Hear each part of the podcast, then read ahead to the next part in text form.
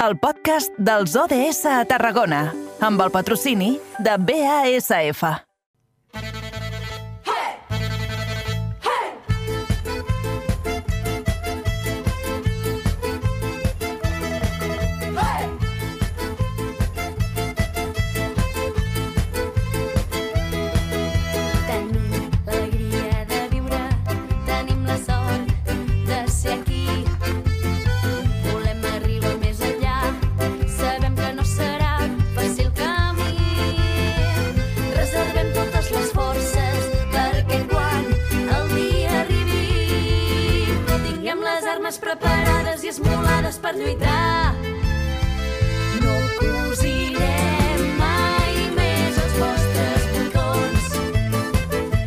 Arrenquem ara mateix la darrera horeta de carrer Major. Hora d'enfocar la mirada en els objectius de desenvolupament sostenible, com dèiem, ara tot just fa un momentet. Abans, saludarem però la nostra companya de la nova ràdio de Reus, l'Angi Aramayo. Angi, bona tarda de nou. Molt bona tarda, Eduard. Escolta, abans m'has passat la mà per la cara quan hem entrat a l'aula, a la classe de llengua catalana amb l'Agnès Toda. Uh, I no ho però tenia ara- clar, eh? Escolta, mira, uh, senyal que has estudiat, això. Uh, molt, una, una alumna molt aplicada, la- l'Angi. Escolta, deixarem de banda ara tot el que té a veure amb aquests controls, amb aquests exàmens o amb aquest uh, joc, perquè no deixava de, de, de ser un joc el que ens planteja cada 15 dies la- l'Agnès. Uh, I ara canviem radicalment de uh, registre, uh, hem de parlar d'igualtat de gènere, que és quelcom que fem cada 15 dies. Uh -huh, correcte, ens centrarem en l'ODS número 5 i aquest cop parlarem sobre la coeducació i educació sexoafectiva en totes les etap etapes escolars. I per entendre com eh, ens afecta això, què impliquen aquests termes, saludem a la nostra convidada, l'Olga, del col·lectiu Cau de Llunes. Molt bona tarda. Bona tarda. Olga, per començar a situar-nos una miqueta, què és o com definiries l'educació sexoafectiva?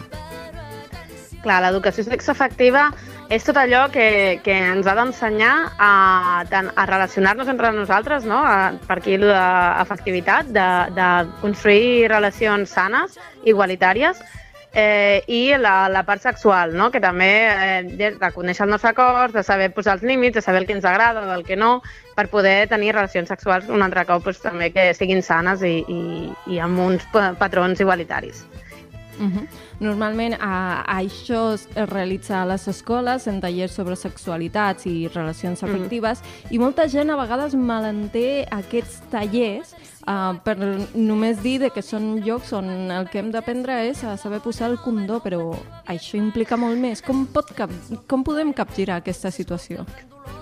Clar, tradicionalment, doncs, eh, aquesta educació sexoafectiva s'ha centrat molt eh, des de la prevenció de malalties de transmissió sexual i, i la prevenció de- d'embarassos no desitjats, no? però mm, volem anar molt més enllà perquè eh, no tenim, eh, els joves eh, no tenen, i els infants eh, no tenen gaires eh, altres canals que, que estiguin guiats per aprendre sobre aquestes coses. I el, el que volem que aprenguin és això, no? de, del, des del plaer, des, de, des del desig, i no tant des del que, ui, ui, ui, que facis el que facis a nivell sexual, doncs, o malalties, o embarassos, o, o coses així, no? Creiem que fan falta eh, referents positius que els hi parlin d'una manera agradable de tots aquests temes. De fet, una de les grans problemàtiques és que a vegades ha, ha faltat una mica més de política transversal en aquests temes. A països com Suècia, Noruega, Alemanya o els Països Baixos són exemple de que l'educació sexual obligatòria funciona.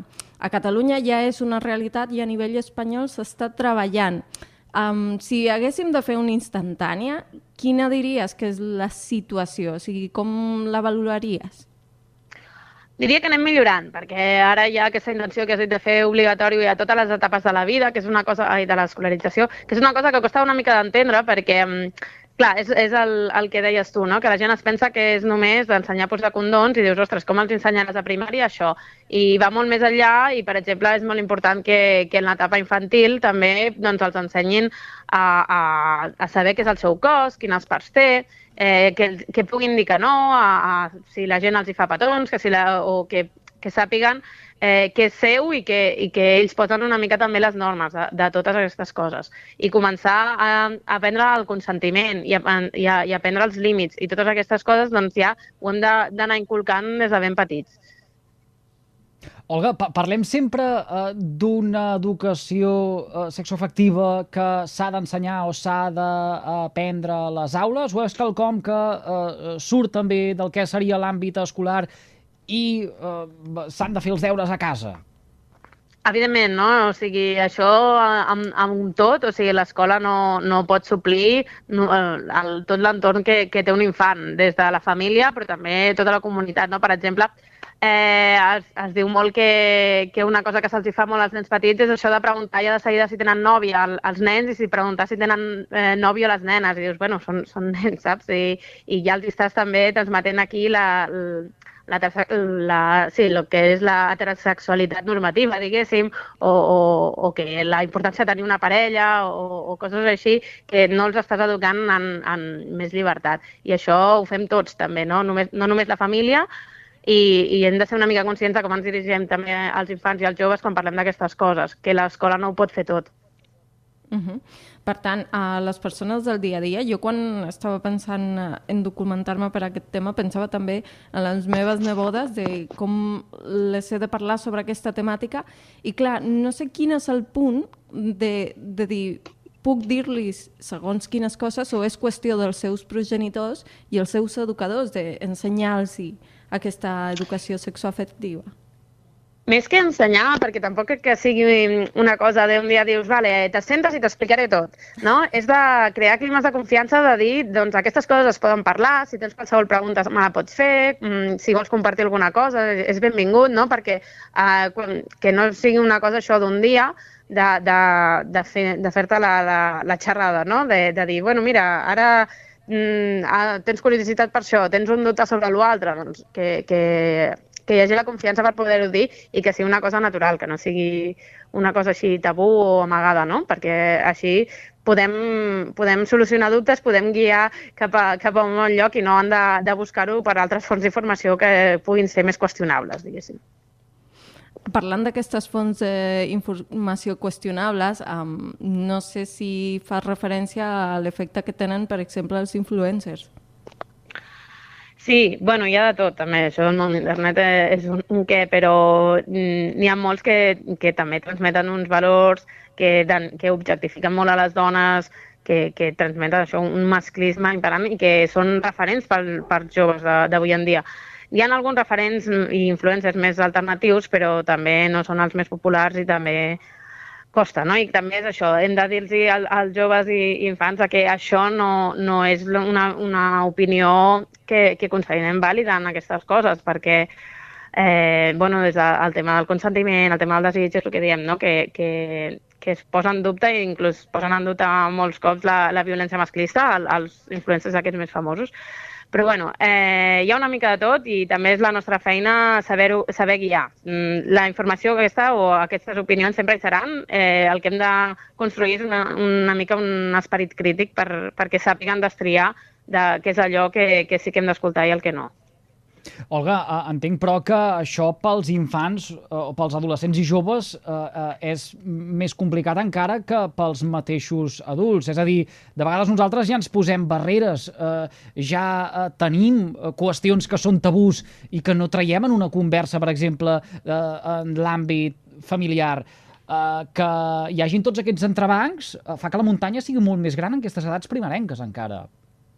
Sí, sí, evidentment, no? Eh, moltes vegades se'ns diu, bueno, és que ja, ja pujant diferent i ja això s'ha de fer això a l'escola i ben petits i ja canviaran les futures generacions segons quines mentalitats, però si no canviem els adults, que som els qui els hi ensenyem, eh, no, el- els infants ho tindran molt més difícil per canviar, així que ens hem d'atrevir nosaltres també una mica més d'això, de, d'això, de poder parlar de tot i de, de fer-ho amb naturalitat.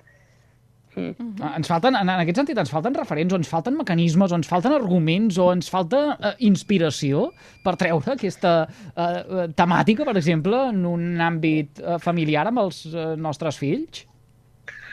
Ens falten també ganes d'intentar-ho i d'informar-nos nosaltres, perquè a vegades també nosaltres ens pensem que ja ho sabem tot i, i no és així moltes vegades, no? Que, que també, vulguis o no, nosaltres hem estat educats amb, amb el que dèiem, no? que l'educació sexual era cuidado que faràs qualsevol malaltia o, o que et quedaràs embarassada i no sortíem d'allà. Eh, crec que també, pues mira, si, si podem nosaltres també informar-nos i, i, i conèixer eh, acompanyant els nostres joves i, i adolescents en tot això, crec que també pot ser molt enriquidor. Uh -huh. I naturalitzar potser eh, també, per exemple, durant els tallers d'educació sexual, jo me'n recordo quan jo els vaig fer a l'ESO, eh, hi havia un moment que parlar dels productes que havíem de consumir les dones per la, per la menstruació eh, era algo tabú, o sigui, només es feia entre noies i els nois no en sabien d'això. Sí, sí, la regla ja és tot un altre tema que algun dia podríem fer un programa i tot, perquè sí, sí, sempre és una cosa supernatural i, i, i sempre s'ha amagat com si fos una cosa que haguéssim de tenir vergonya o el que sigui. Per, també, per tant, també doncs, porta això a falta d'informació, a que eh, les noies també no s'atreveixin a preguntar, no s'atreveixin a, a, a preguntar alguns dubtes. No? També hi ha l'altra cosa, que això eh, parlem ara de l'educació sexual i afectiva, però hi ha el, el tema de la coeducació, que seria tenir perspectiva de gènere en tots, eh, en tots els altres àmbits, no? que no sigui només la part que parlem explícitament d'això, sinó que, per exemple, eh, quan es parla això de ciències naturals, doncs que puguis parlar eh, amb naturalitat de, de, de processos naturals com és la regla, no? O, o que quan parlem d'altres temes, ja sigui d'esport, eh, d'història, el que sigui, que tinguin referents dones, perquè també veiem que hi hagi altres rols i que les dones sempre hi han sigut, que no és una cosa que ens estiguem inventant ara. Abans dèiem que havíem entrat a l'aula per fer deures, per fer un examen. Eh, els deures també ens els posem precisament en aquesta eh, educació sexoafectiva que avui ens porta a parlar amb l'Olga del col·lectiu Cau de Llunes. Ho haurem de deixar, però, eh, Olga, abans no marxis. Deixa'm que et pregunti per eh, la sessió, el taller que organitzeu de cara al proper 26 d'octubre, l'apoderament de la dona dins dels moviments socials, eh, una eh, activitat conjunta entre Cau de Llunes i el col·lectiu feminista La Marruixa de, de Valls. Uh, Explica'ns. Doncs sí, el 26 a les 7 de la tarda al Casal La Turba de Valls, doncs, juntament amb la comuna comunalitat de Valls, doncs, organitzem aquest taller que farem una mica una repassada de d'on venim com a moviment feminista i quines eines hem tingut eh, per desenvolupar la nostra activitat política no? I, i quines eines ha portat el feminisme eh, en tot el que seria els moviments socials, que tenim moltes ganes i us convidem a totes. Eh, I també, per exemple, si fem agenda feminista, aquest dissabte a Montblanc, eh, les companyes de, de la Conca Barberà, l'Anna Solera, eh, fan un, una jornada també sobre el treball sexual, eh, que també té molt bona pinta. Doncs ens quedem amb aquestes propostes. Uh, anem engreixant de mica en mica l'agenda. Jo crec que eh, al final ens haurem de dividir per poder participar en aquest munt d'activitats que sí, uh, sí, estem és molt difícil, al llarg de la setmana. Olga, moltíssimes gràcies per compartir aquesta estona amb nosaltres. L'Olga del col·lectiu... Una abraçada. Igualment, una abraçada a l'Olga del col·lectiu Cau de Llunes, que cada 15 dies eh, passa pel programa per fer èmfasi precisament en uh, buits, en camins que encara hi han per recórrer, en aquest cas des d'una òptica feminista. Àngela Mayo, gràcies també a tu, que acabis de passar un bon dimarts. Fins demà. Fins demà.